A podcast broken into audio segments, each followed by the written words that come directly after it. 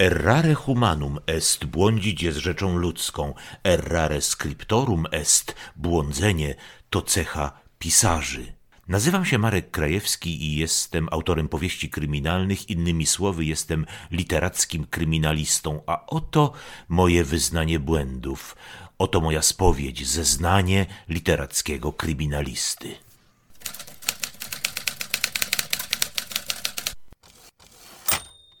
Jako autor powieści kryminalnych bardzo często korzystam z pomocy z życzliwej wiedzy ekspertów z zakresu medycyny sądowej.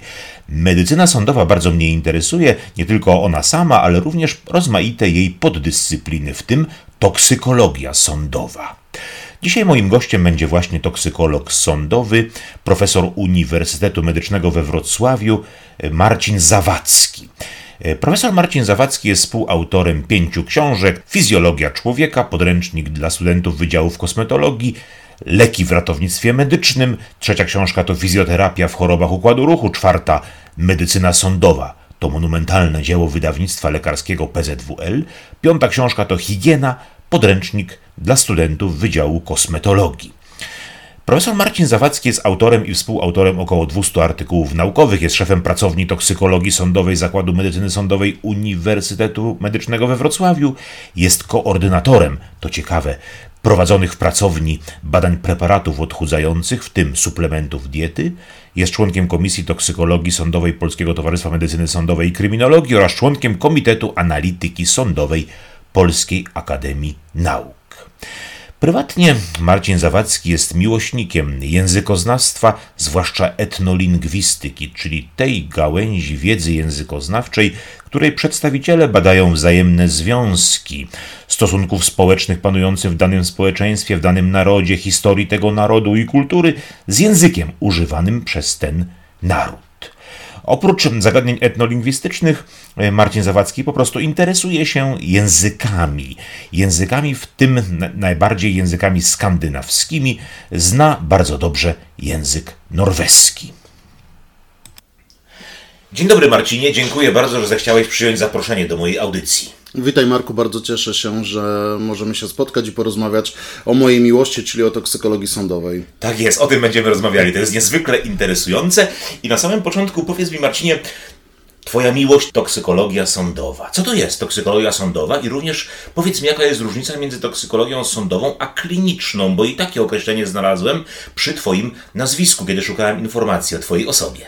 Jasne. W istocie są to dwie zupełnie, zupełnie od, odrębne dziedziny od, od siebie. Można powiedzieć, że toksykolog kliniczny zajmuje się stricte leczeniem e, osób, e, wiadomo, że osób żywych. Natomiast toksykolog sądowy przede wszystkim zajmuje się materiałem biologicznym jako takim, pobranym od szerokiego spektrum e, pacjentów, czy to pacjentów żywych, czy to pacjentów, pacjentów martwych. Toksykologia sądowa jest dosyć wąską dziedziną, e, jeżeli chodzi o dziedzinę nauki, natomiast jest bardzo szeroką dziedziną, jeżeli weźmiemy pod uwagę zakres badań, który możemy w toksykologii sądowej, toksykologii sądowej wykonywać. I generalnie badania te wykonywane są na potrzeby mm, organów procesowych, czy to policji, czy to prokuratury, Zatem badamy materiał biologiczny pobrany od osób zmarłych celem ustalenia na przykład okoliczności zgonu, czy do zgonu nie doszło w wyniku e, szeroko rozumianego zatrucia. Badamy materiał biologiczny e, pobrany e, na przykład ze zwłok ekshumowanych hmm. celem znów ustalenia, czy czasami do zgonu nie przyczyniły się czynniki trzecie w postaci substancji chemicznych. Badamy materiał biologiczny pobrany od kierowców znowu celem ustalenia e, wpływu tych substancji, potencjalnego wpływu na zdolność prowadzenia pojazdów mechanicznych i wiele, wiele innych aspektów, o których tutaj moglibyśmy rozmawiać, rozmawiać godzinami. Natomiast te osiowe zagadnienia, e, zagadnienia toksykologii sądowej, tak jak powiedziałem, skupiałam się wokół zatruć śmiertelnych, i wpływu substancji na zdolność prowadzenia pojazdów lub zachowania się, e, zachowywania się osób. Rozumiem, czyli jesteś toksykologiem sądowym, czyli Twoje ekspertyzy wykonywane przez ciebie na podstawie próbek pobranych, z, czy to y, z ciał y, żywych, czy to z ciał martwych, twoje ekspertyzy umożliwiają sędziemu podjęcie właściwej decyzji.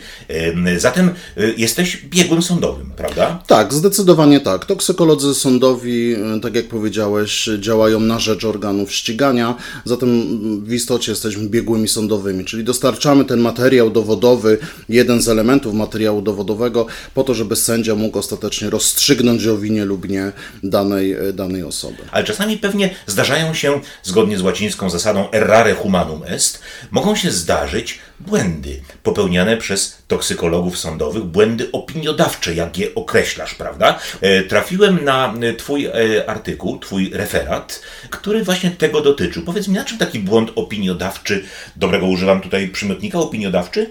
Tak, błędów toksykolodzy sądowi mogą popełnić dużo na różnych etapach mm. swojej pracy. Dotyczy to nie tylko toksykologii sądowej, ale tak naprawdę każdej dziedziny, tak. każdej dziedziny nauki. Natomiast najważniejsze to ten błąd uświadomić sobie i spróbować go wyeliminować.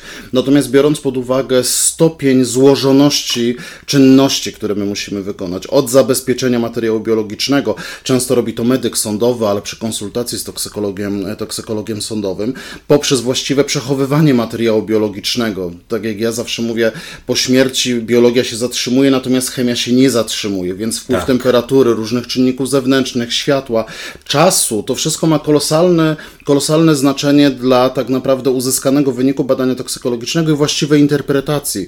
My przecież wiemy, że niektóre substancje pojawiają się po zgonie, na przykład alkohol etylowy, na przykład tlenek węgla. Niektóre substancje rozkładają się w krótkim czasie e, po śmierci człowieka. W związku z czym wydanie właściwej opinii tak naprawdę musi być oparte na potężnej wiedzy. Potężnej wiedzy wynikającej po pierwsze z doświadczenia, po drugiej wynikającej ze stałe, stałego poszukiwania piśmiennictwa, konsultacji z innymi toksykologami. Tak, tak jest, naprawdę musi być na bieżąco, nieustannie. Zdecydowanie muszę być na bieżąco i czasami, e, czasami my o różnych e, rzeczach, różnych niuansach dowiadujemy się dopiero po latach, tak? Więc z perspektywy na przykład pięciu lat, ja być może wydałbym inną opinię w, w stosunku do tej, w chwili obecnej w stosunku do tej, którą wydałem kilka lat wcześniej, dlatego że wtedy nie miałem jeszcze wiedzy. W świecie naukowym nie było wiedzy o tym, że na przykład jakaś substancja może pojawić się zupełnie de novo, de novo w, prób, w próbce. Więc te błędy opiniodawcze wynikają z różnych, z różnych elementów, natomiast zdecydowanie chyba najczęściej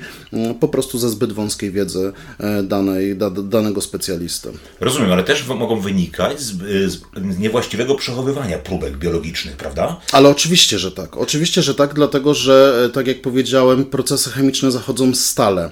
Mm. W, każdym, w, w, w, każdym przypadku, kiedy próbka eksponowana jest na przykład na podwyższoną temperaturę, procesy gnilne, czyli procesy rozkładu materiału biologicznego, intensyfikują się. Podobnie wpływ światła słonecznego, promieniowania ultrafioletowego, czy tak jak powiedziałem, sama funkcja czasu, e, kiedy dochodzi do rozkładu substancji, absorpcji na ściankach próbówek i tak dalej, i tak dalej. To wszystko wpływa w istotny sposób na właściwą interpretację wyniku, to po pierwsze, e, a po drugie czasami wpływa wręcz na możliwość wykonania badania toksykologicznego, dlatego że jeżeli do mnie trafia próbka pobrana po 6, 6 e, miesięcy wcześniej i mm, organ ścigania oczekuje ode mnie oznaczenia substancji X, która rozkłada się po dwóch tygodniach w takiej próbce, no to ja wtedy wiem, że wynik uzyskany przeze mnie będzie kompletnie bezwartościowy. E, natomiast z drugiej strony mamy też substancje niezwykle stabilne, stąd też możemy badać toksykologiczny materiał e, pochodzący od, osób, od osób zmarłych 20, 30, a nawet 200 lat temu. O, więc... to niezwykle interesujący wątek, zaraz do niego przejdziemy. Bardzo mnie interesuje ta toksykologia, nazywam to historyczna, czy toksykologia archeologiczna, archeologiczna, być może, tak. Z tego, co mówisz, wynikałoby, że może się ta, zdarzyć taka sytuacja, kiedy znajdziesz jakiś związek chemiczny, odkryjesz, e, który powstał już ex post, po zdarzeniu, które e, to zdarzenie jest przedmiotem badań sądu, prawda? Tak, zdecydowanie tak. Powiedz mi, czy zdarzyło się kiedykolwiek e, w Twojej praktyce, czy słyszałeś o takim wypadku, żeby toksykolog odkrył jakąś substancję i na tej podstawie orzekł winę lub nie, a potem by się okazało, że ta substancja była już wytworzona powodu złego przechowywania próbki, e, z powodu, z powodu no, upływu czasu, z powodu niewłaściwych warunków. Czy to się zdarzyło? Czy- Ale czy, czy e, spotkałeś się z taką sytuacją? Niestety tak, natomiast e, zanim opowiem o tym przypadku, chciałbym, chciałbym pewną rzecz uściślić. E, Polskie przepisy prawa pozwalają być biegłemu każdej osobie, której wydaje się, że ma odpowiednie kompetencje ku temu. Doprawdy? To nie jest tak, że my jesteśmy weryfikowani, czyli ja wpisując się na listę biegłych z zakresu toksykologii sądowej, nie muszę być wcale chemikiem, nie muszę być lekarzem, nie muszę mieć nawet specjalizacji z zakresu toksykologii sądowej. Nie jest to niestety weryfikowane w odpowiednim stopniu, w związku z czym na listę biegłych trafiają osoby, które są całkowicie przypadkowe, którym wydaje się, bo przeczytały jedną czy dwa podręczniki, wydaje się, że mają kompetencje e, w, ku temu, żeby rzeczywiście w tym temacie poruszać się zupełnie sprawnie. I rzeczywiście my opiniujemy mm, jako zakład, e, czy jako toksykolodzy sądowi, m, takie sprawy, gdzie dokonujemy metaanalizy, analizy opinii wydawanych, wydawanych wcześniej i oczywiście to ma kolosalne i czasami dramatyczne w, sk- w, w, w, skutkach, w skutkach znaczenie, dlatego że rzeczywiście spotykamy się z przypadkami takimi, kiedy biegły e, toksykolog wypowiada się o wpływie substancji na zachowanie danej osoby, której to substancji w istocie nie było w momencie, w momencie zdarzenia. I takim najbardziej dramatycznym przykładem e, jest substancja, która zaliczana jest do pigułek gwałtu, tak zwane GHB, które również ma możliwość powstawania, e, powstawania nie tylko po śmierci danej osoby, ale przede wszystkim ma możliwość powstawania in vitro w probówce.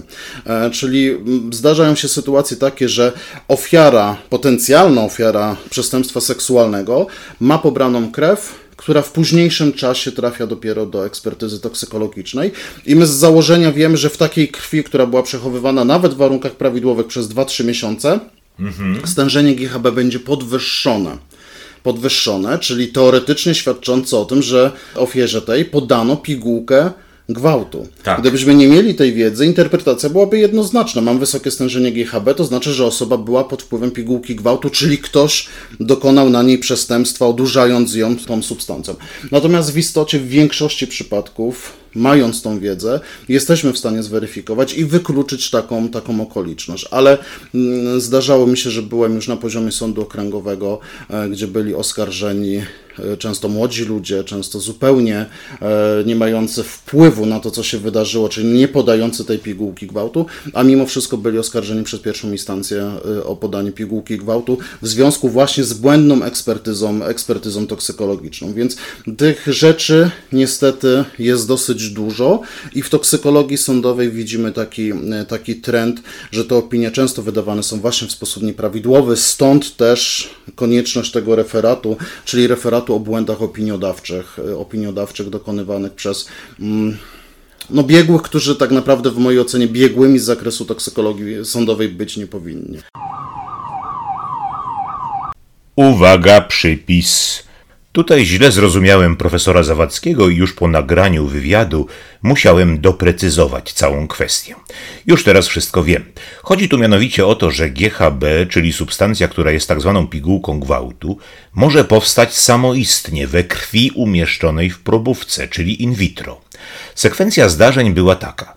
Pobrano krew od dziewczyny, która oskarżała kilku młodych mężczyzn o podanie jej pigułki gwałtu. Zamiast od razu zrobić badanie krwi tej dziewczyny na obecność GHB, z jakichś powodów zwlekano. Po dłuższym czasie owa substancja samoistnie powstała w probówce, bo powstaje ona we krwi każdego człowieka, gdy krew jest trzymana in vitro odpowiednio długo. Profesor Zawadzki i jego współpracownicy badali własną krew i po kilku dniach okazało się, iż we krwi profesora Zawadzkiego i jego współpracowników wszędzie była pigułka gwałtu o stężeniu wyższym niż u rzekomej ofiary. Koniec przypisu.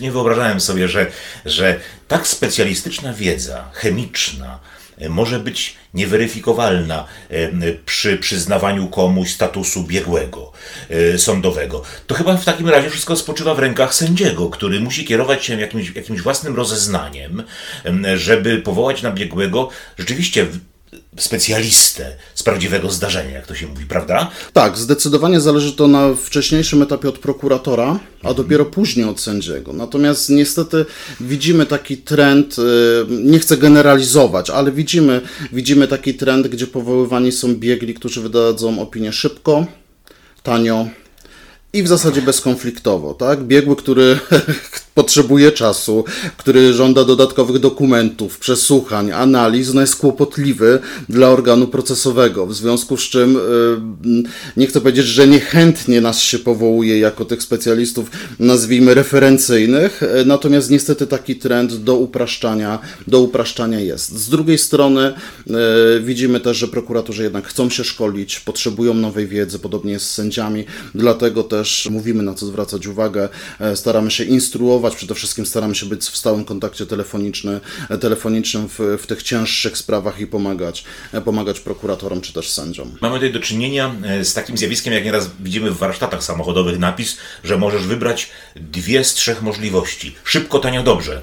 E, czyli, e, czyli jeżeli będzie szybko i tanio, to nie będzie dobrze. To, to, to, dotyczy również Twojej dziedziny. Zdecydowanie tak. Dotyczy to e, przede wszystkim mojej dziedziny, dlatego że musimy mieć świadomość, że sprzęt analityczny w toksykologii sądowej e, w zasadzie w tej chwili osiąga erę kosmiczną. My jesteśmy w stanie oznaczać substancje narkotyczne w odcisku palca na przykład, w, w, w kępce włosów, e, w jednym zębie, we fragmencie kości wydobytym z grobu sprzed 30 lat i tak dalej, i tak dalej. Tak? No to w tej chwili chciałeś do tego nawiązać, ale na tak. przykład będziemy badali tatuaże mumii e, indiańskich celem ustalenia barwnika, z którego został, został wykonany tenże tatuaż. W związku z czym ta toksykologia sądowa rzeczywiście osiąga w tej chwili poziom kosmiczny, co wiąże się z kosztami Przede wszystkim kosztami sprzętu, dlatego że te sprzęty kosztują w granicach 3-4 milionów niekiedy za urządzenie.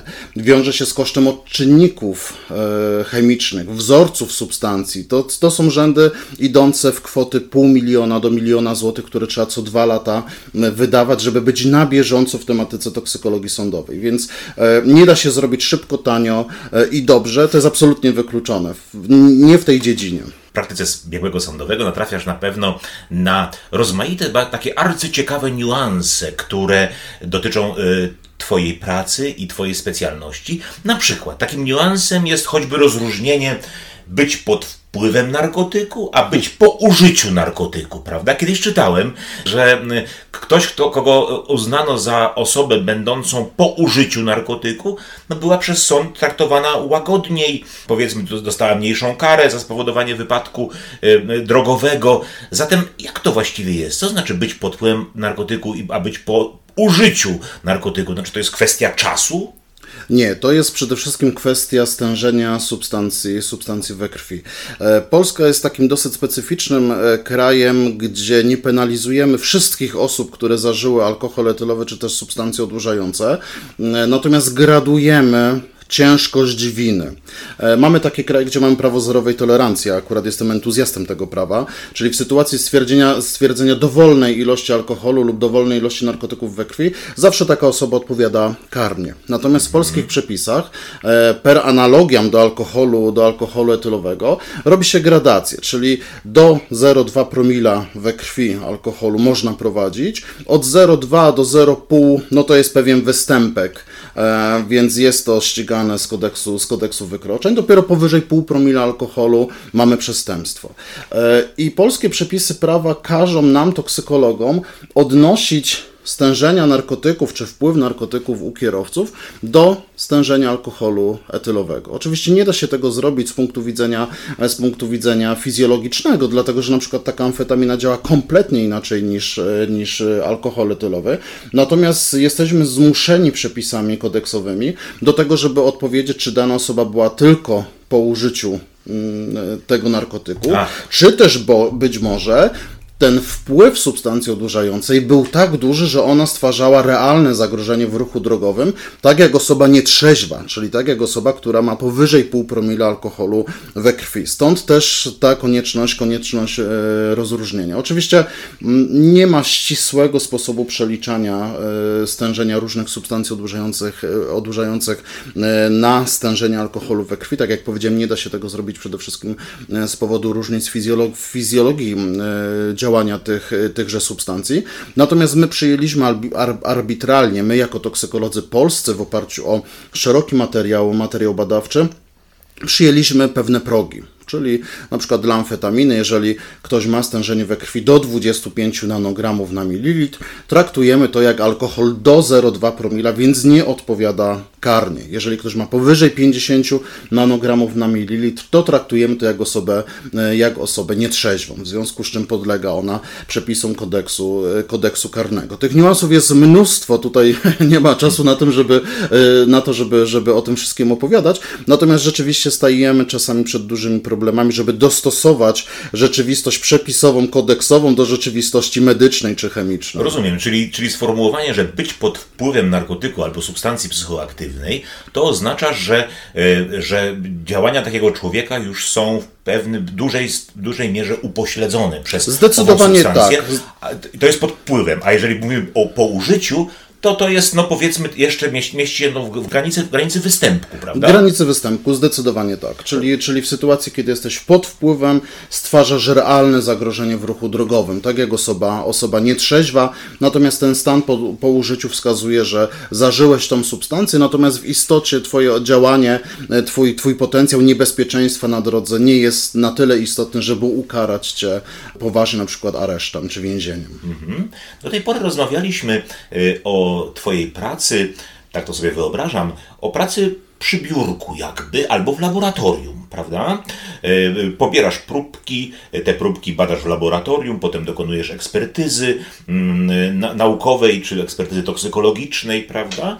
E, natomiast e, pracujesz w zakładzie medycyny, medycyny sądowej i, w tym, i wyobrażamy sobie pracowników tego zakładu bardzo często jako osoby, które dokonują sekcji zwłok Opowiadał mi dr Jerzy Kawecki, znakomity medyk sądowy, e, znany Ci bardzo dobrze, e, o tym, że on właściwie używa bardzo często e, swojego powonienia i chciałby, żeby to powonienie było jak najbardziej czułe, ponieważ zda, zdarza się, że kiedy rozkroi, kiedy dokona, dokona trepanacji czaszki i, i wciągnie woń w swoje nozdrza, woń lekko słodkawą na przykład, to by świadczyło od razu, że ten człowiek był po użyciu, czy pod wpływem, czy po użyciu alkoholu etylowego.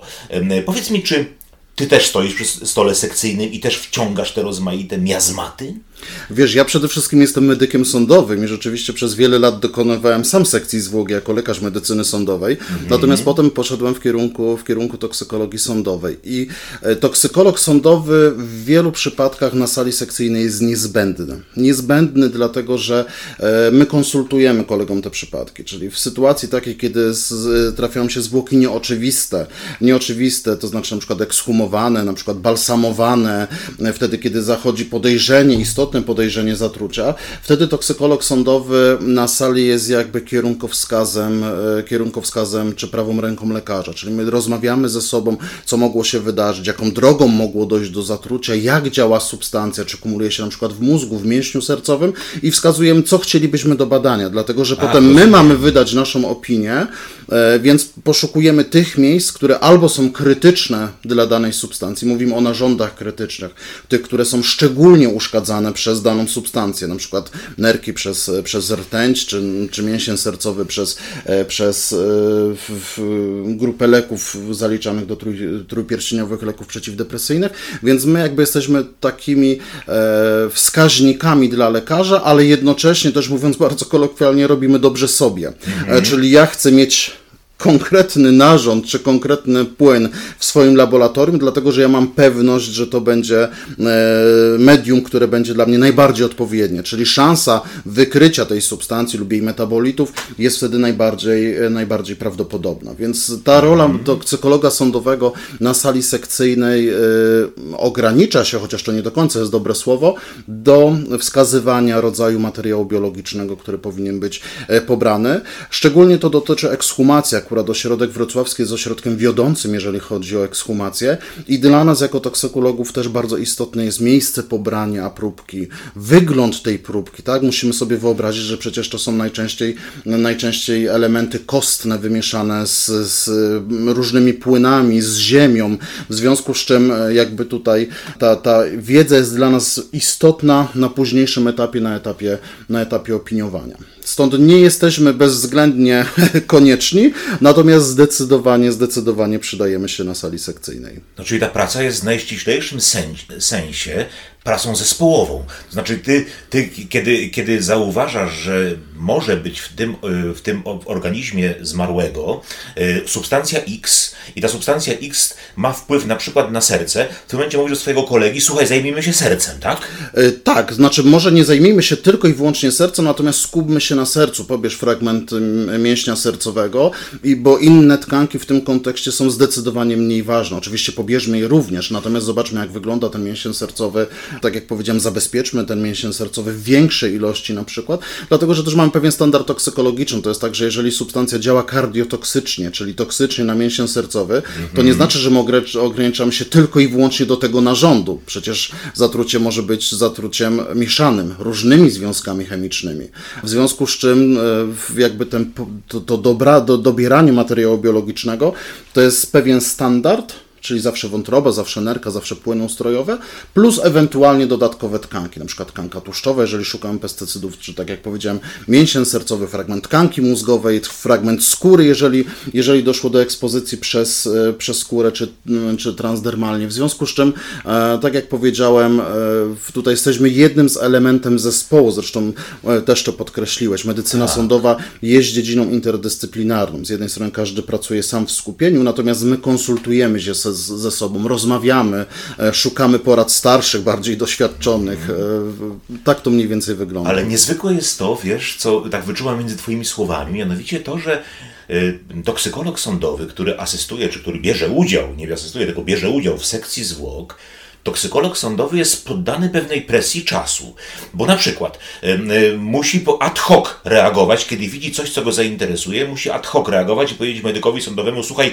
wypreparujmy to, sprawdźmy to, prawda, bo potem może być za późno, bo potem ta próbka może ulec y, y, przekształceniu, przemianie w wyniku działań atmosferycznych i tak dalej, czyli tak naprawdę to nie jest taka spokojna praca przy próbówkach, prawda, w laboratorium, tylko jest to, y, podejmujesz decyzje, które mogą, mogą y, wskazać mordercę, które mogą decydować o czyimś życiu, prawda, i tak dalej. I to trzeba zrobić ad hoc. Czujesz ten ciężar odpowiedzialności? Y, tak, zdecydowanie, zdecydowanie masz rację. Ja, ta praca laboratoryjna to jest przedostatni element. To jest mhm. dopiero przedostatni element układanki, e, z której budujemy pewną, e, pewną całość. Rzeczywiście e, czasami jest to praca pod silną presją, kiedy my poszukujemy poszukujemy, e, poszukujemy jakiejś substancji e, na już, mówiąc, mówiąc tak. E, kolokwialnie, bo na przykład dzwonią do nas koledzy ze szpitala, że nie radzą sobie z pacjentem, wysyłają do nas próbkę, czy my jesteśmy w stanie, w stanie im pomóc. Tak? Mieliśmy na przykład taką sprawę, gdzie padały zwierzęta, czyli doszło na przykład do padnięcia stu krów i padały kolejne krowy, czyli trzeba było na już wykryć substancję, żeby zabezpieczyć kolejne, kolejne zwierzęta, zwierzęta przed padnięciem. Teraz mamy taką sprawę, która dotyczy dotyczy upadków koni i też poszukujemy związków, cóż takiego może się wydarzyć, że kolejne konie ze stadniny giną. Więc ta toksykologia sądowa jest bardzo szeroka, ona nie ogranicza się tylko do sali, do sali sekcyjnej. Czasami rzeczywiście musimy reagować na już, czyli musimy znaleźć związek w ciągu kilku godzin czy kilkunastu godzin, bo zależy od tego życie zwierząt, czy też życie, życie człowieka. No to powiedz, słuchaj, to postaw kropkę nad i powiedz mi, jak było z tymi krowami? Czy możesz o tym powiedzieć? E, tak, myślę, że mogę o tym powiedzieć, dlatego że sprawa, sprawa ostatecznie się wyjaśniła. Rzeczywiście tam nawet byliśmy na miejscu, dokonując oględzin, oględzin miejsc, w których te krowy, te, te krowy przebywały. Sprawa okazała się dosyć, dosyć banalna w istocie. Oczywiście dramatyczna w skutkach, dlatego że tam ponad 120 zwierząt, zwierząt padło i była to po prostu złośliwość, złośliwość pracownika, który został zwolniony, zwolniony z pracy, który podsypał krowom w jeden ze środków y, chwastobójczych, y, żeby te krowy po prostu uległy, uległy zatruciu. I znowu tu był pewien niuans toksykologiczny, dlatego że ten sprawca nie chciał zabić tych krów, więc wybrał substancję, która była bezpieczna dla człowieka, natomiast była niezwykle niebezpieczna dla bydła, czego on nie wiedział. Ach, nie chciał, wiedział. żeby krowy wykazywały pewne objawy, miały na przykład biegunkę, nie można było pobrać od nich mleka, natomiast nie chciał zabić tych zwierząt. Ale brak wiedzy toksykologicznej spowodował, że wybrał substancję, która niestety była śmiertelna, śmiertelna dla zwierząt. Stąd to, co powiedziałem na początku, że toksykolog sądowy niestety musi mieć olbrzymią wiedzę z różnych dziedzin, e, żeby, żeby móc sobie poradzić, poradzić właśnie w, tej, w tym obszarze, obszarze nauki. No ty masz wiedzę o, ogromną, ona jest u, ugruntowana przede wszystkim na twoim pierwszym wykształceniu, z tego co wiem, chemicznym, prawda? Pierwszym wykształceniem jest wykształcenie medyczne. Medycznym. Ach, Tak, pomyliłem się. A chemia to był drugi kierunek. Jestem przede wszystkim lekarzem, tak, natomiast, natomiast drugim kierunkiem były studia magisterskie na Wydziale Chemii. A powiedz mi, a wyobrażasz sobie toksykologa, który by nie był, y, nie był chemikiem z wykształcenia? Wiesz co, wyobrażam sobie sytuację taką dlatego, że, że znam kolegów, którzy są na przykład farmaceutami czy, czy, czy biologami i doskonale Rozumiem. radzą sobie, radzą sobie e, w toksykologii sądowej, natomiast doskonale radzą sobie zazwyczaj do etapu analizy. Pojawia się problem przy etapie interpretacji, dlatego że żeby zinterpretować wynik i wypowiedzieć się o wpływie tej substancji na fizjologię czy patofizjologię człowieka, trzeba mieć ten drugi element, czyli wykształcenie medyczne. Niestety, w związku z czym większość toksykologów sądowych w Polsce, e, zdecydowanie większość, ma wykształcenie właśnie chemiczno-farmaceutyczne, natomiast lekarzy toksykologów sądowych e, nie ma wielu. Przejdźmy teraz do zagadnień, które mnie bardzo interesują jako autora powieści kryminalnych, ale powieści kryminalnych historycznych. Otruwanie ludzi, śmierć przez, przez zatrucie, przez otrucie, mm, był, jest to motyw powszechny mm, w, w historii, spotykamy się z tym wielokrotnie. Ym, Byli też ludzie, nawet nazwijmy ich w cudzysłowie, specjaliści, którzy specjalizowali się w wytwarzaniu straszliwych trucizn, różnych mikstur, które, e, które zabijały ludzi. E, To byli ludzie obdarzeni specjalną wiedzą na dworach władców, e, cieszyli się, cieszyli się wysoką pozycją, byli często zaufanymi władcy. Ale teraz, jak czytamy, w czasach współczesnych truciznę bardzo łatwo można e, stworzyć. Nie trzeba odróżniać bielunia od innej rośliny. Wystarczy na przykład wziąć, mm, e, nie wiem, e, rozpuścić niedopałki w wodzie i potem taką wodę wypić. Czy spotkałeś się z tego typu sytuacjami? Czy, czy zdarzyło ci się spotkać z taką trucizną, która była sporządzana od tak po domowemu?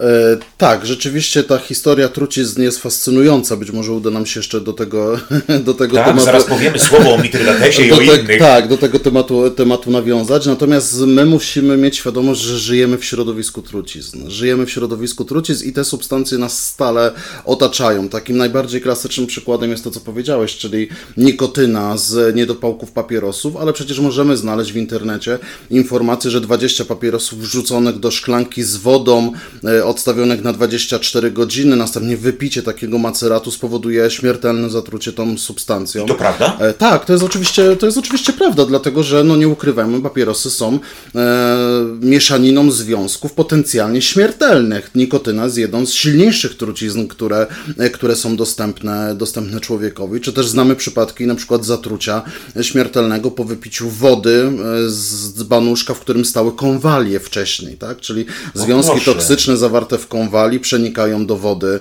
e, do wody i wywołują mm, zgon tutaj akurat w mechanizmie właśnie kardiotoksyczności. W związku z czym Podsunąłeś mi arcyciekawy kryminalny motyw. tak, no to jest myślę, że wykorzystanie roślin w celach przestępczych zdecydowanie jest, jest e, ciekawym, e, ciekawym elementem. Tych trucizn, tak jak powiedziałem, jest dużo, ale znamy też przypadki, które są w zasadzie anegdotyczne, czyli na przykład próba wymieszania dwóch niezwykle żrących substancji, na przykład kwasu i ługu sodowego, która skończyła się otrzymaniem roztworu soli kuchennej, dlatego że osoba nie wiedziała, że te substancje wejdą ze sobą w interakcję, czy też na przykład próba zatrucia rtęcią metaliczną poprzez dodanie y, fragmentów czy kropelek rtęci do drzemu, który w istocie nie rozpuścił tej rtęci, która z kolei nie spowodowała zatrucia drogą pokarmową. Więc z jednej strony zo- dżem zneutralizował E, truciznę. Drzem przede wszystkim nie rozpuścił. Rtęć metaliczna nie rozpuściła się w drzemie, w związku z czym nie wchłonęła się do organizmu, w związku z czym nie spowodowała zatrucia. Zatem z jednej strony jest się zatruć szalenie łatwo, ale z drugiej strony, jak człowiek tak naprawdę bardzo chce, to może przekombinować i wcale nie ulegnie zatruciu, bo po prostu nie ma podstawowej, e, podstawowej wiedzy chemicznej. Więc takie przypadki, przypadki się zdarzają.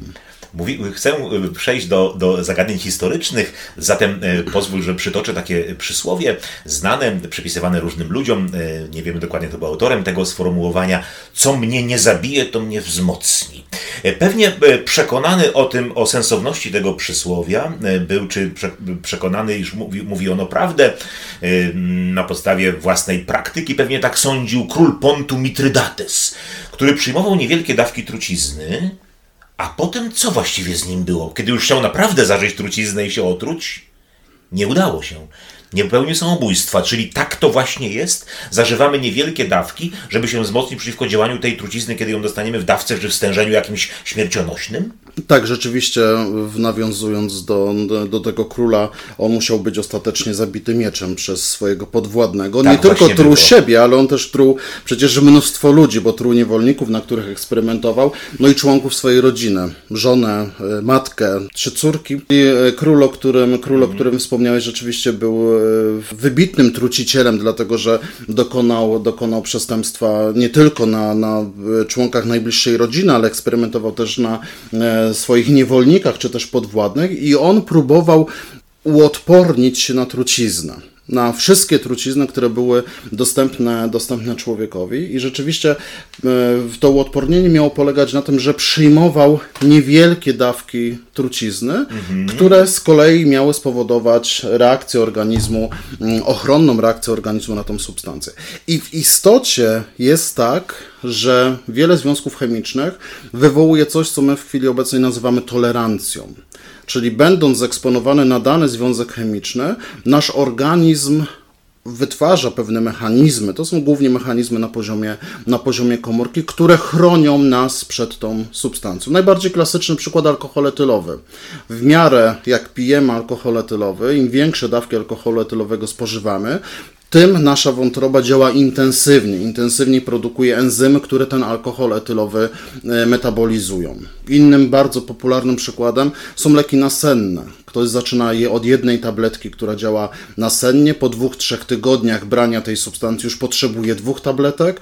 Po roku brania tej substancji potrzebuje 6, 10 albo 20. My znamy takie przykłady mm, z własnej e, praktyki, praktyki zawodowej, kiedy Jeden z leków przeciwbólowych, tak zwany tramadol, był zażywany przez pacjenta w dawce 50 tabletek dziennie, więc w dawce pięciokrotnej niż dawka śmiertelna dla przeciętnej osoby. Czyli rzeczywiście można uodpornić się na truciznę w pewnym stopniu, w pewnym bardzo ograniczonym stopniu. Natomiast pamiętajmy, że ta kompensacja organizmu, ta zdolność organizmu do reagowania na substancje chemiczne w pewnym momencie się załamuje. Czyli u alkoholika dochodzi do wytworzenia marskości wątroby, która przestaje działać. U osoby uzależnionej e, czy biorącej benzodiazepinę, leki nasenne, czy też leki, leki e, przeciwbólowe, dochodzi do silnego uzależnienia fizycznego i psychicznego, psychicznego od tych leków, więc ten poziom kompensacji tylko do pewnego, do pewnego momentu potem się, e, do pewnego momentu się sprawdza, potem ni- niestety dochodzi do załamania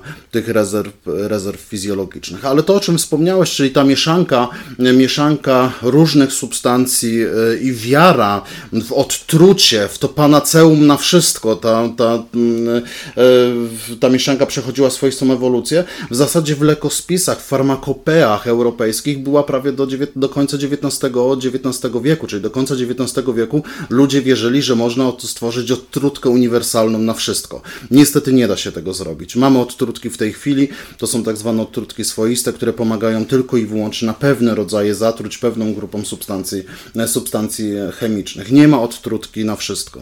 Słuchaj, a gdybym, cię, gdybym poprosił Ciebie kiedyś o, o pomoc, o życzliwą konsultację literacką, bo wiesz, po głowie mi chodzi taki oto pomysł. Y, kiedy będę pisał być może kiedyś powieści o starożytności, wyobraźmy sobie taką, chciałbym przedstawić taką sytuację, że jest cesarz, na przykład cesarz Klaudiusz, który miał swoich ludzi, niewolników, y, którzy zażywali, mm, którzy jedli posiłki, te, które mu przynoszono, żeby sprawdzić, czy w tych posiłkach nie ma zawartej trucizny.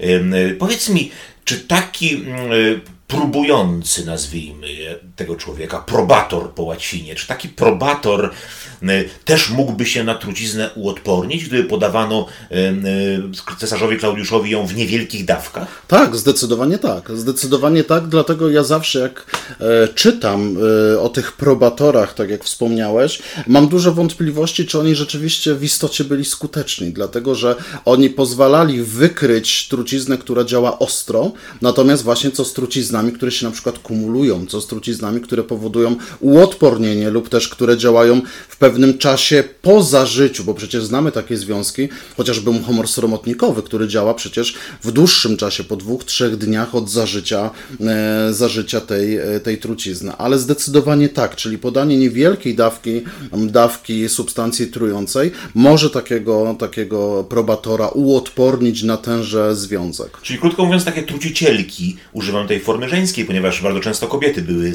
zajmowały się tym procederem, czarownice na przykład. Takie trucicielki mogłyby przechytrzyć owego probatora zupełnie spokojnie, gdyby stworzyły miksturę, w której centralnym składnikiem byłby muchomór sromotnikowy. Prawda? Bez żadnego kłopotu. Absolutnie tak, bez żadnego kłopotu. E, I dobrze użyłeś formy żeńskiej, dlatego że największe trucicielki w historii to przecież były kobiety, na przykład Lokusta. Tak. Teraz poruszaliśmy wątek, e, złowrogi wątek trucicieli, którzy mordowali innych ludzi, a teraz przejdźmy tak trochę, powiedzmy, płynnie do już e, zagadnień, które dotknąłeś swojej wcześniejszej wypowiedzi, mianowicie do samootruwania się jakby. Powiem w cudzysłowie, ponieważ no, chodzi tutaj o, za, o zażywanie oczywiście substancji rozmaitych, e, psychoaktywnych najczęściej, które miały poprawiać nasz nastrój. Wspomniałeś o osobach pijących alkohol etylowy. Powiedz mi, czy to jest prawda, czy mit? mit, że alkoholik, czy człowiek, który nadużywa alkoholu, po jakimś czasie może pić tego alkoholu znacznie więcej, prawda, bo się jego organizm przyzwyczaja, ale kiedy już dochodzi do pewnych sytuacji granicznych, kiedy jest już no, alkoholikiem, to wystarcza mu, nie wiem, 50 już jest pijany, czy to prawda? Tak, to jest prawda, dlatego że, tak jak powiedziałem, tym kluczowym, e, kluczowym narządem dla metabolizmu alkoholu etylowego jest wątroba. Czyli póki nasza wątroba jest sprawna, puty możemy metabolizować alkohol etylowy, czyli jeżeli pijemy narastające dawki alkoholu w upływie czasu, to wątroba aktywuje swoje układy enzymatyczne, to znaczy produkuje substancje, które pozwalają ten alkohol etylowy rozłożyć. Natomiast, tak jak powiedziałem, w pewnym momencie dochodzi się do pewnej granicy, czyli wątroba przestaje być wydolna, staje się marska, znika miąższ tego narządu, który jest odpowiedzialny za rozkładanie alkoholu etylowego i zostaje po prostu twarda grudka narządowa, która nie bardzo jest sobie w stanie poradzić z tymże alkoholem y, etylowym. Poza tym pamiętajmy, że osoby, które rzeczywiście przewlekle piją alkohol etylowy, zazwyczaj są niedożywione, mają mniejszą masę ciała niż średnia populacyjna, w związku z czym te dawki alkoholu dla nich są zdecydowanie bardziej efektywne czyli są w stanie upoić taką osobę zdecydowanie szybciej. Mało tego, nie mamy enzymów, które ten alkohol by rozłożyły. Czyli takie osoby są zdecydowanie dłużej pijane niż przeciętny Kowalski, który strawiłby, znaczy zmetabolizowałby ten kieliszek wódki w ciągu kilku, e, kilku godzin. Rozumiem, czyli takie przekonanie, przekonanie o alkoholikach, którym wystarczy niewiele i są pijani, jest przekonaniem słusznym. Jest przekonaniem słusznym, natomiast to jest już ostatnia faza alkoholizmu. Wtedy, ostatnia kiedy, faza. Tak, wtedy, kiedy wątroba już jest niewydolna, chwilę później już zaczyna się żółtaczka, e, żylaki przełyku i zgony z powodu krwi krwotoków z przewodu pokarmowego lub niewydolności wątroby. Hmm. A czy inne przekonania dotyczą, dotyczące picia alkoholu są y, też prawdziwe? Mam tu na myśli na przykład takie przekonanie, że no cóż, klin klinem wybijaj. Takie sformułowanie, które oznaczałoby, że y, kiedy człowiek no, nadużył alkoholu, jest y, w stanie przepicia, czy jak to się określa, popularnie się określa oczywiście jako kac, kacenjamre z niemieckiego, prawda, czyli kocia muzyka. Otóż, czy w takim wypadku rzeczywiście te niewielkie dawki pomagają, e, pomagają e, osiągnąć jakąś sprawność, przywracają dobrą formę, czy jest to jakaś ułuda, że to może prowadzić do e, potęgowania kolejnych dawek i może prowadzić do masywnych ciągów alkoholowych. Jak to oceniasz ze swojego punktu widzenia? Znaczy, wszystko wymaga rozsądnego podejścia i rzeczywiście doświadczenie życiowe wskazuje, że niewielka dawka alkoholu wypita w fazie kaca pozwala trochę złagodzić objawy tego, tego kaca. No to jest sprawa zupełnie zrozumiała, czyli, czyli my przez pewien moment stajemy się tak naprawdę trochę bardziej pijani, pozwalamy organizmowi mieć czas na to, żeby wydalić metabolity, które są przyczyną e, właśnie tego, e, tego schorzenia. Więc jeżeli to jest jednorazowe wypicie piwa na kacu, to znajduje to pewne uzasadnienie fizjologiczne i rzeczywiście przynosi pewną ulgę. Natomiast rzeczywiście rodzi się pewne niebezpieczeństwo, tak jak powiedziałeś, wpadnięcia w ciąg alkoholowy. Czyli jeżeli pijemy regularnie i pijemy i regularnie zapijamy kaca, no to to jest bardzo prosta droga do tego, żeby pić tydzień, dwa, e, dwa albo trzy. Więc tak jak powiedziałem, tak jak we wszystkim należy mieć umiar i wypicie połowy piwa e, czy jednego piwa na kacu e, może złagodzić te, te niepożądane objawy. Natomiast możemy sobie też poradzić z tym zupełnie zupełnie inny sposób, na przykład sokiem pomarańczowym, dawką glukozy, czy na przykład herbatą z miodem, czy porządnym posiłkiem, posiłkiem zawierającym białko i inne składniki, które straciliśmy w czasie, w czasie picia. Więc zdecydowanie nawodnienie, witaminy i elektrolity są lepszym pomysłem niż picie alkoholu, alkoholu w dzień po upojeniu alkoholowym. Kiedy charakteryzowałeś tę sytuację, użyłeś sformułowania usuwanie metabolitów. Ja rozumiem, że to jest usuwanie toksyn, tak, które się rodzą w wyniku no, re, różnych reakcji spowodowanych przez alkohol. Czy dobrze myślę? To są toksyny? Jakie to są, jeżeli to są toksyny? Ja jestem absolutnym przeciwnikiem słowa toksyny w kontekście, w kontekście toksykologii, dlatego że toksyny to jest bardzo wąska grupa substancji, więc Ach. toksyną są substancje wytwarzane przez organizm w celu ochrony tego organizmu przed innymi, innymi stworzeniami. Czyli toksyny wytwarzają na przykład węże, show. Żeby zabić ofiarę lub bronić się e, przed, przed napadem. Natomiast zdecydowanie powinniśmy używać substancji, pojęcia substancje toksyczne, trucizny, czy też metabolity w odniesieniu, w odniesieniu do organizmu, e, czy do przemian, które zachodzą, zachodząc w organizmie. Czyli e, sami z siebie nie wytwarzamy toksyn, bo nie mamy potrzeby bronienia się różnymi Ach, substancjami rozumiem. chemicznymi, natomiast wytwarzamy metabolity różnych, różnych związków. Czyli sformułowanie substancje toksyczne po użyciu alkoholu jest prawidłowe. Substancje to toksyczne. Y, metabolity. Metabolity. Które w istocie są toksyczne. I, tak? Jakie to są metabolity? Powiedz to jest przede wszystkim aldehyd octowy. Tak? To jest aldehyd octowy, octowy, który potem mimo wszystko jest dosyć szybko rozkładany do dwutlenku wod, węgla i wody,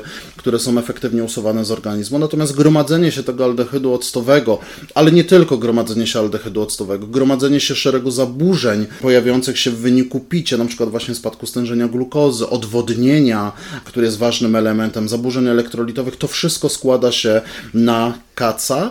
Poza tym e, nie zapominajmy, że pewne substancje, które nazywamy fuzlami, e, mają też znaczenie. Fuzle to są inne substancje lotne, które znajdują się w alkoholu etylowym. Na przykład estry, na przykład ketony. To są te substancje, które nadają bukiet smakowy i bukiet zapachowy alkoholom wysokogatunkowym. Mówi się, że im więcej tych substancji, tym te aromaty i, i, i doznania konsumentów są wyższe. Natomiast niestety te substancje są zazwyczaj bardziej toksyczne alkoholu etylowego w sytuacji, kiedy się skumulują, więc efekt kaca po wypiciu e, tak zwanych wódek kolorowych może być zdecydowanie większy niż po wypiciu czystej wódki. Słuchaj, a efekt kaca, czy nawet efekt zatrucia po wypiciu rozmaitych niespożywczych alkoholi. Mhm. To wydaje mi się dość interesujące. Pacjenci terapeutów uzależnień bardzo często no, przewlekle pijący pacjenci, często niezbyt zamożni, czy wręcz no, zrujnowani przez alkohol. E, zdarza im się tym pacjentom, że piją rozmaite mikstury, które nazywają popularnie ślepotkami. Te mikstury mają, są takie białawe, pozostawiają smugi na szkle. Co oni piją? Co to jest? Jak, jak oni to wytwarzają? Coś mógłbyś na ten temat powiedzieć? Znaczy, to jest najczęściej źle przepędzony bimber, czyli to jest sytuacja taka, kiedy w warunkach domowych nastawiamy alkohol no, z najróżniejszych, z najróżniejszych substratów. Często są to owoce, ziemniaki, ryż, czy zwykły, zwykły cukier, e, cukier e, buraczany. E, I oczywiście, jeżeli produkujemy bimber, czy ktoś produkuje bimber na swoje potrzeby, to stara się, żeby ten bimber był wysokiej jakości, czyli destyluje ten bimber w kontrolowanych warunkach. Destyluje, to znaczy przepędza te substancje, które stanowią pewne obciążenie, właśnie te fuzle dla, e, dla bimbru. Niestety w procesach fermentacji pojawia się związek, e, z którym wiąże się nazwa, którą użyłeś, czyli, e, czyli ślepotki. Tak. mianowicie tutaj chodzi o metanol. Metanol, jak wiemy, jest substancją, która jest wybitnie toksyczna. Jest to alkohol nieco przypominający alkohol etylowy, natomiast w wyniku przemian w organizmie powstają właśnie wybitnie toksyczne substancje, takie jak formalina na przykład, czy też kwas mrówkowy, co w krótkiej ścieżce prowadzi do oślepnięcia. I teraz jeżeli ktoś wy wykonuje, tak jak powiedziałem, bimber na swoje potrzeby, to stara się, żeby tego metanolu nie było. Natomiast jeżeli ktoś z kolei jest przewlekłym alkoholikiem, to stara się wytworzyć alkohol jak najszybciej, w jak największej ilości, więc nie interesuje go destylowanie, tylko pije po prostu niekiedy nawet zacier, e, nieprze, nieprzepędzony zacier, e, czyli mieszaninę najróżniejszych substancji, substancji chemicznych, w tym zawierających alkohol, alkohol etylowy. Więc można powiedzieć, e, że to, te, te eksperymentalne płyny, które są pite przez właśnie zaawansowanych alkoholików, to jest najczęściej właśnie jakiś, jakiś macerat, czy jakiś słabo sfermentowany, sfermentowany bimber.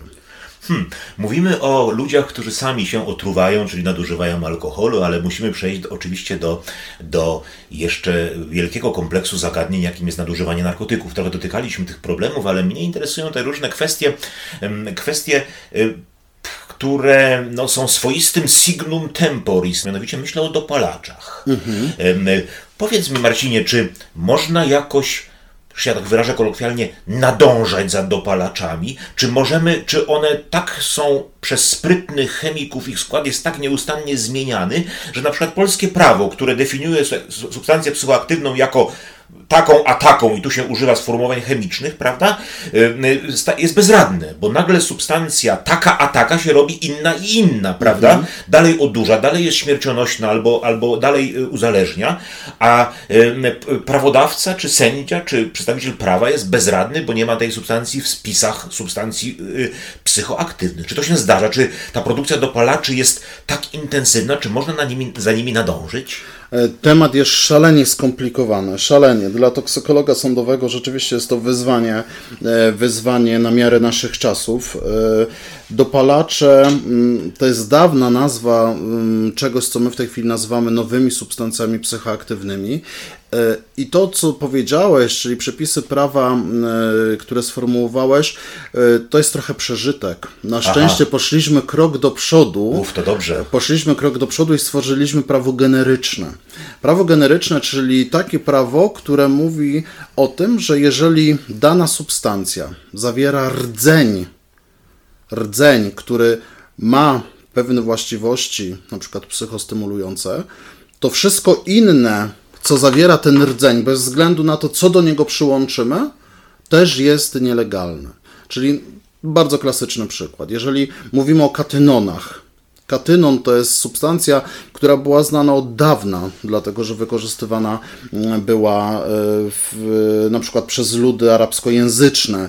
E, bardzo popularne było rzucie katu, czyli liści czuwaliczki jadalnej, co e, stało się punktem wyjścia właśnie dla tworzenia no, nowych narkotyków. Czyli jeżeli mamy tą katynę, ten katynon, który, który stanowi pewien swoisty rdzeń, to bez względu na to, czy przyłączymy do tego chlor, fluor, brom, czy jakąkolwiek inną grupą, to wszystko, co zawiera ten rdzeń, już w polskim ustawodawstwie jest ścigane. Natomiast pojawia się problem analityczny Dlatego, że tak naprawdę pojawia się kłopot z wykryciem tej substancji. Tak? My musimy mieć świadomość, że na rynku narkotykowym pojawia się niekiedy kilkadziesiąt nowych substancji rocznie. Czyli toksykolog sądowy musi nie tylko wiedzieć, że takie substancje mogą się pojawić, czy też się pojawiły, mało tego, musi mieć wzorzec tej substancji, dlatego że my trochę działamy jak e, daktyloskopiści, czyli dokonując analizy, wykrywając jakąś substancję w materiale biologicznym, dokonujemy jakby analizy widma tej substancji, czyli rozkładamy ją na takie pewne drobne fragmenciki, które trochę przypominają odcisk palca. Czyli jeżeli ja mam podejrzenie, że ten odcisk palca, czyli to widmo, to jest na przykład widmo, niech to będzie mefedronu, to ja muszę mieć wzorzec mefedronu, czyli substancję, która została wyprodukowana syntetycznie, zrobić jej odcisk palca i porównać, czy to, co ja mam w próbce, odpowiada temu, co zostało wyprodukowane, co zostało dostarczone jako wzorzec referencyjny, jako próbka odniesienia. I wtedy, jeżeli to się na siebie nakłada, pokrywają się ze sobą te widma, te widma, ja mam wtedy pewność, że wykryłem substancję właściwą. I tak jak powiedziałeś, ten trend narkotykowy, pojawianie się nowych substancji psychoaktywnych powodują, że musimy być przede wszystkim stale na bieżąco e, z pieśmiennictwem, czyli śledzimy, co pojawia się u kolegów w Słowenii, co pojawia się w Chinach, w Japonii, w Stanach Zjednoczonych i w takim kierunku również badamy nasze, e, nasze próbki. Też widzimy pewne trendy w tych ruchach, ruchach narkotykowych, dlatego że do niedawna, e, do niedawna na przykład były bardzo popularne katynony. Katynony stały się nielegalne, więc dużą popularność zyskały syntetyczne kanabinoidy. W związku ze zmianą przepisów w Chinach, które były głównym dostarczycielem kanabinoidów, Chińczycy przestawili się na produkcję fentanyli, które z kolei pojawiły się na rynkach europejskich. Więc jakby śledzimy ustawodawstwo różnych krajów, śledzimy właśnie ruchy narkotykowe pomiędzy Azją, pomiędzy Europą i pomiędzy, pomiędzy między e, Stanami i próbujemy sobie jakoś z tym poradzić. Natomiast zdecydowanie jest to olbrzymie wyzwa wyzwanie i tak naprawdę tylko nieliczne laboratoria toksykologii sądowej radzą sobie z tym zagadnieniem. Zastanawia mnie jedna rzecz. Na ulicach naszych miast wykwitają jak grzyby po deszczu rozmaite sklepy, które są ozdobione e, często symbolami marihuany, prawda, czy liści marihuany. Marcinie, co tam się sprzedaje? Czy to, co się sprzedaje, jest tam legalne? E Wiesz, to jest trochę tak jak było z dopalaczami. Przypomnijmy sobie, jaka była historia dopalaczy. Pojawiły się sklepy z produktami kolekcjonerskimi. To prawda. Czyli z produktami, które w istocie były narkotykami, ale w związku z dziurą w przepisach prawnych mogły być legalnie sprzedawane. E, czy mogły być legalnie sprzedawane, czy nie mogły, to jest zupełnie oddzielna kwestia, dlatego że w tej chwili ścigamy przecież tych, e, tych handlarzy i tych producentów.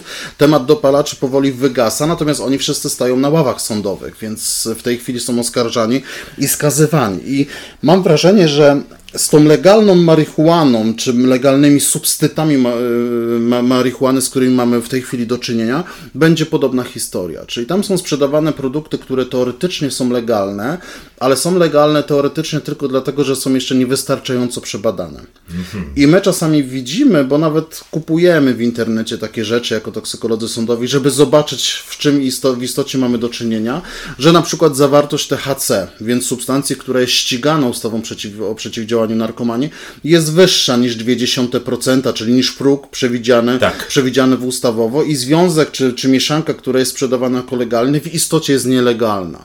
Czyli ja teraz raczej się spodziewam, spodziewam takiego ruchu, że policja w pewnym momencie dokona nalotów na te sklepy, zabezpieczenia materiału, zabezpieczy materiał i dokona, dokona analizy toksykologicznej i się okaże, zresztą takie badania już są robione na razie na poziomie naukowym, Natomiast okaże się pewnie lada moment, że wiele z tych substancji, czy wiele z tych mieszanin w istocie są narkotykami i te sklepy zostaną, zostaną zdelegalizowane.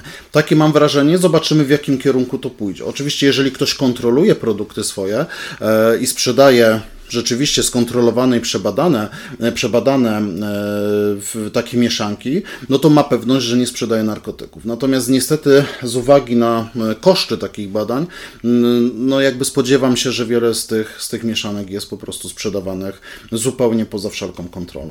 Ale mówisz, że kontroluje, czyli, czyli, czyli sprawdza, jaka jest, jakie jest stężenie THC na przykład, tak? I jeżeli się okaże, że jest mniejsze niż 0,2, tak? Przypomnij mi, czy dobrze mówię, tak, tak. To, w te, to w tym momencie co? To w tym momencie to jest, to jest substancja legalna, tak? To jest substancja sprzedawać. legalna, tak, dlatego że no, jakby dawka efektywna, czyli jeżeli ty wypalisz jednego skręta e, takiej, takiej mieszaniny roślinnej, no to tak naprawdę nie wchłoniesz dawki THC, która wywoła u ciebie jakiekolwiek odłużenie, więc jest to, jest to produkt, no tak jakbyś trochę palił trawę, czy, czy jakieś zioła, e, Aha. zioła apteczne, czyli nie jesteś w stanie się odurzyć. Palisz dla palenia, dla istoty palenia, nie dla odurzenia.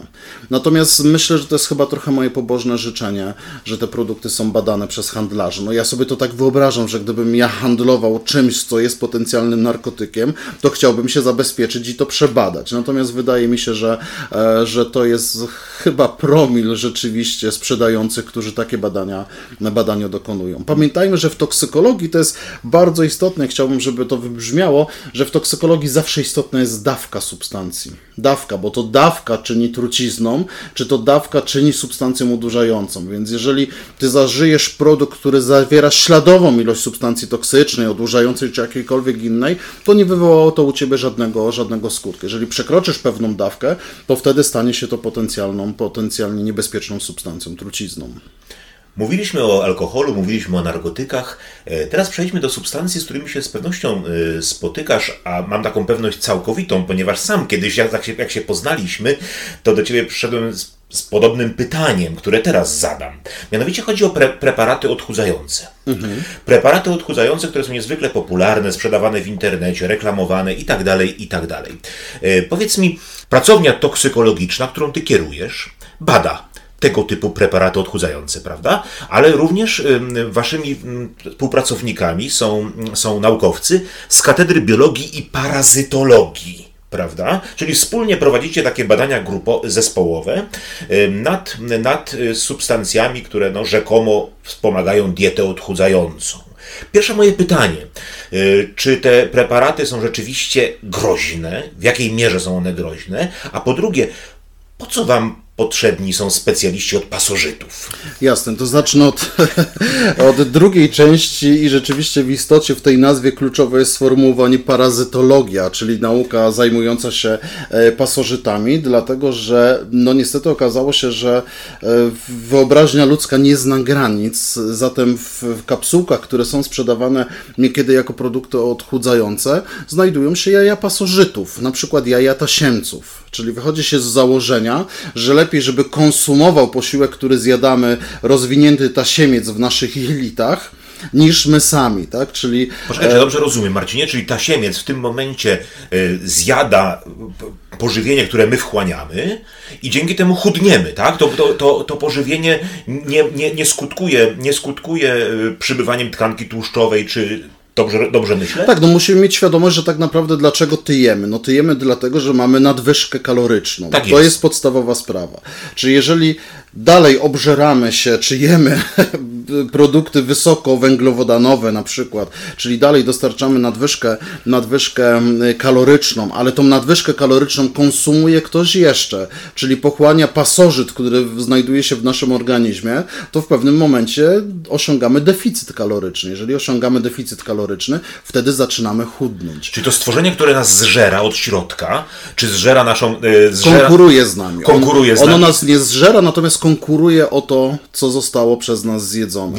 On ma bliżej do glukozy niż my, tak? On znajduje się w przewodzie pokarmowym, w związku z czym pochłania szybciej niż my. To nie tylko glukozy, glukozy, bo to by było pół biedy w pewnym sensie oczywiście, natomiast na przykład pochłania też witaminy, które są dla nas niezbędne. Pochłania mikroelementy.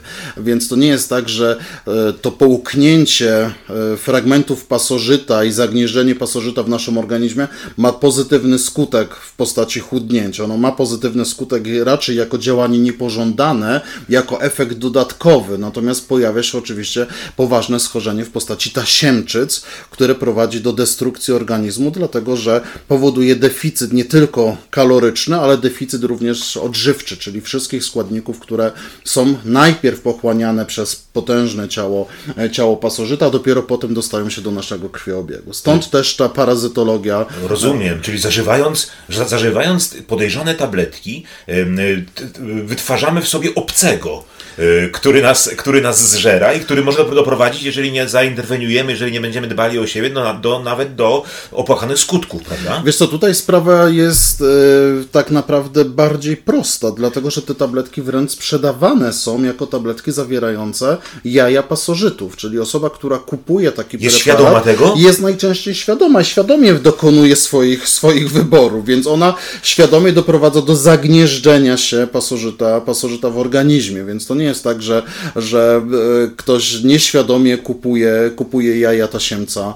E, Najczęściej jest to, jest to wybór, wybór absolutnie, absolutnie świadomy. Och, te świadome wybory to rzeczywiście to jest, to jest bardzo trudna sprawa, bo wyobraźmy sobie, że ktoś dokonuje świadomego wyboru, idąc do podejrzanego, powiedzmy, znachora jakiegoś, felczera, czy jak go nazwiemy, no felczer to nie, to jest felczer, to jest określenie, do, id- idzie do znachora, samozwańczego uzdrowiciela, który mu oferuje cudowne y, lekarstwa, prawda? I, I człowiek taki często zdesperowany, chory terminalnie nierzadko, prawda, może się, może te, te substancje przyjmować z pełną świadomością, godząc się na to.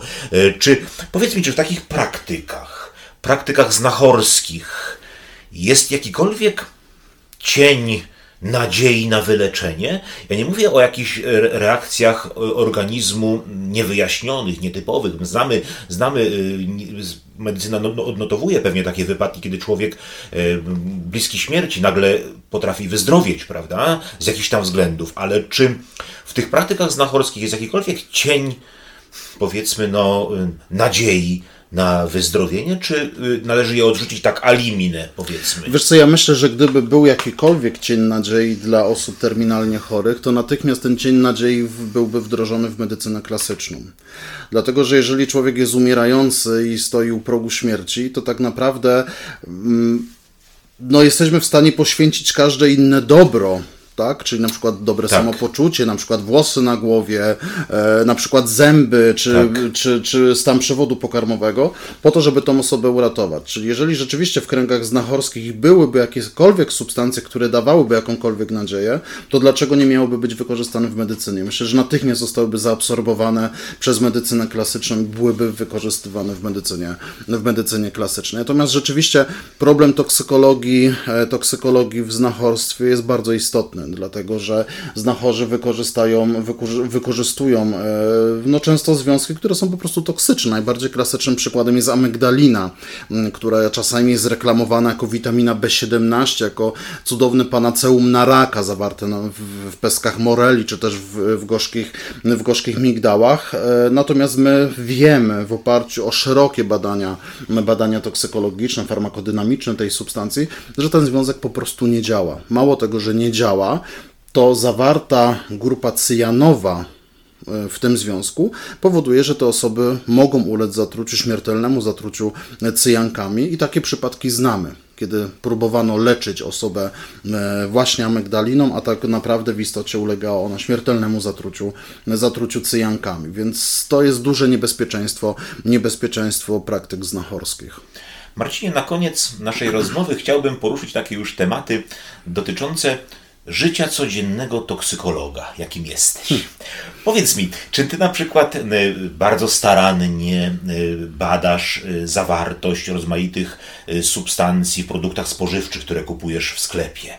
Albo czy na przykład wystrzegasz się tego, by nie kroić powiedzmy warzyw na desce, na której wcześniej kroiłeś mięso, na przykład w kuchni, czy było krojone mięso. Y, Czy powiedzmy mm, kupujesz ryby z jakiegoś akwenu, o którym skąd inąd wiesz, że jest tam niebezpieczeństwo, iż te ryby, zatrucia, y, jest niebezpieczeństwo, iż te ryby będą w swoim organizmie nosicielami jakichś, jakichś y, substancji y, trujących. Powiedz mi, jak, y, jak y, twoja wiedza uwrażliwia się na takie sytuacje? Jasne. To jest, znaczy wymieszałeś trochę toksykologię z mikrobiologią, e, mówiąc o surowym mięsie i o warzywach, bo rzeczywiście część tych, tych e, przekonań ma swoje uzasadnienie uzasadnienie, tak? Na przykład jak to, że jajka, jajek nie powinniśmy w lodówce trzymać na najwyższych półkach, dlatego że woda spływająca po skorupkach jajek może skazić produkty le- niżej położone salmonellą, która przecież występuje na skorupkach jajek. Coś podobnego. Zaraz pójdziemy do mojej kuchni, otworzę ci i powiesz, czy dobrze przechowuję Czy jajka. też właśnie na przykład surowe mięso, które może zawierać, e, zawierać larwy, e, na przykład wągra, tak, wągrzycy.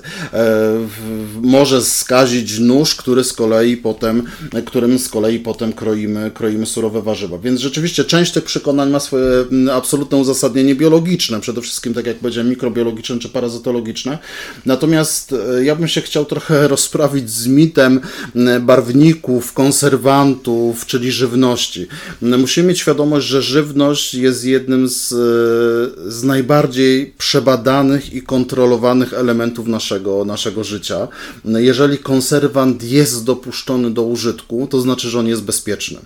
Nie ma tutaj wolnej Amerykanki, nie możemy wpuścić produktu e, barwnika, który nie byłby przebadany. Zatem jeżeli ktoś nas straszy E, najróżniejszym E, które znajduje się na opakowaniach, to jest to robione na wyrost, bo oczywiście e, w przypadku, gdybyśmy zjedli, nie wiem, 100 kg takiego barwnika, czy, czy substancji, e, czy, czy posiłku zawierającego taki, taki barwnik, czy taki konserwant, być może bylibyśmy narażeni na jakieś efekty toksyczne. Natomiast dawki, które znajdują się w takich produktach i przede wszystkim urozmaicona dieta powoduje, że te substancje dla nas są zupełnie, zupełnie neutralne. Poza tym pamiętajmy, że pod tym dramatycznym E, którym niekiedy jesteśmy straszeni, znajdują się też substancje zupełnie neutralne, tak jak na przykład dwutlenek węgla czy witamina C, więc nie każde E jest niebezpieczne. E, to po pierwsze. Po drugie, w odniesieniu do tego, co powiedziałeś, czyli, e, czyli skażenia, skażenia ryb. No my jesteśmy populacją taką, która ryb je bardzo niewiele. Gdybyśmy żyli w krajach azjatyckich na przykład, tam rzeczywiście e, skażenie wód e, pierwiastkami było bardzo, e, bardzo duże, w związku z czym ryby pochłaniały te pierwiastki i nawet było takie schorzenie, które się nazywało choroba itaj-itaj, od dźwięków wydawanych przez osoby, które łamały się kości właśnie zatrute, któ- które były zatrute, zatrute skażonymi, skażonymi rybami. No to w takiej sytuacji miałbym wątpliwość. Natomiast jeżeli w mojej diecie ryba znajduje się raz czy dwa razy w tygodniu, to nie ma ryzyka, realnego ryzyka, ryzyka zatrucia takimi związkami. Poza tym pamiętajmy, że nasz organizm podlega stale przemianom, czyli my eliminujemy, również eliminujemy związki, które, które pochłaniamy, więc nie, nie patrzę e, obsesyjnie na skład, skład produktów, na barwniki, na konserwanty, gdyż wierzę, że, że no to, co jest sprzedawane, jest po prostu kontrolowane. Marcinie, po naszej rozmowie jedna mi się nasuwa uwaga, jedno podsumowanie, że y, wszystko jest kwestią miary. Nawet y, kwestią miary jest to, kiedy dana substancja na przykład przestaje już być lekarstwem, a staje się trucizną. Y, W tym duchu y, pochwały umiaru zakończmy naszą rozmowę. Bardzo Ci dziękuję za, e, za, za przyjęcie zaproszenia do mojej audycji. Bardzo Ci dziękuję za arcyciekawe wywody, m, które nie tylko mi się przydadzą jako autorowi powieści kryminalnych, ale będą na pewno bardzo interesujące dla wszystkich naszych słuchaczy. Prowadziłeś nas w niezwykły świat toksykologii, za co Ci bardzo dziękuję. Bardzo dziękuję za spotkanie i za możliwość e, porozmawiania o tak ważkim temacie, jakim jest toksykologia.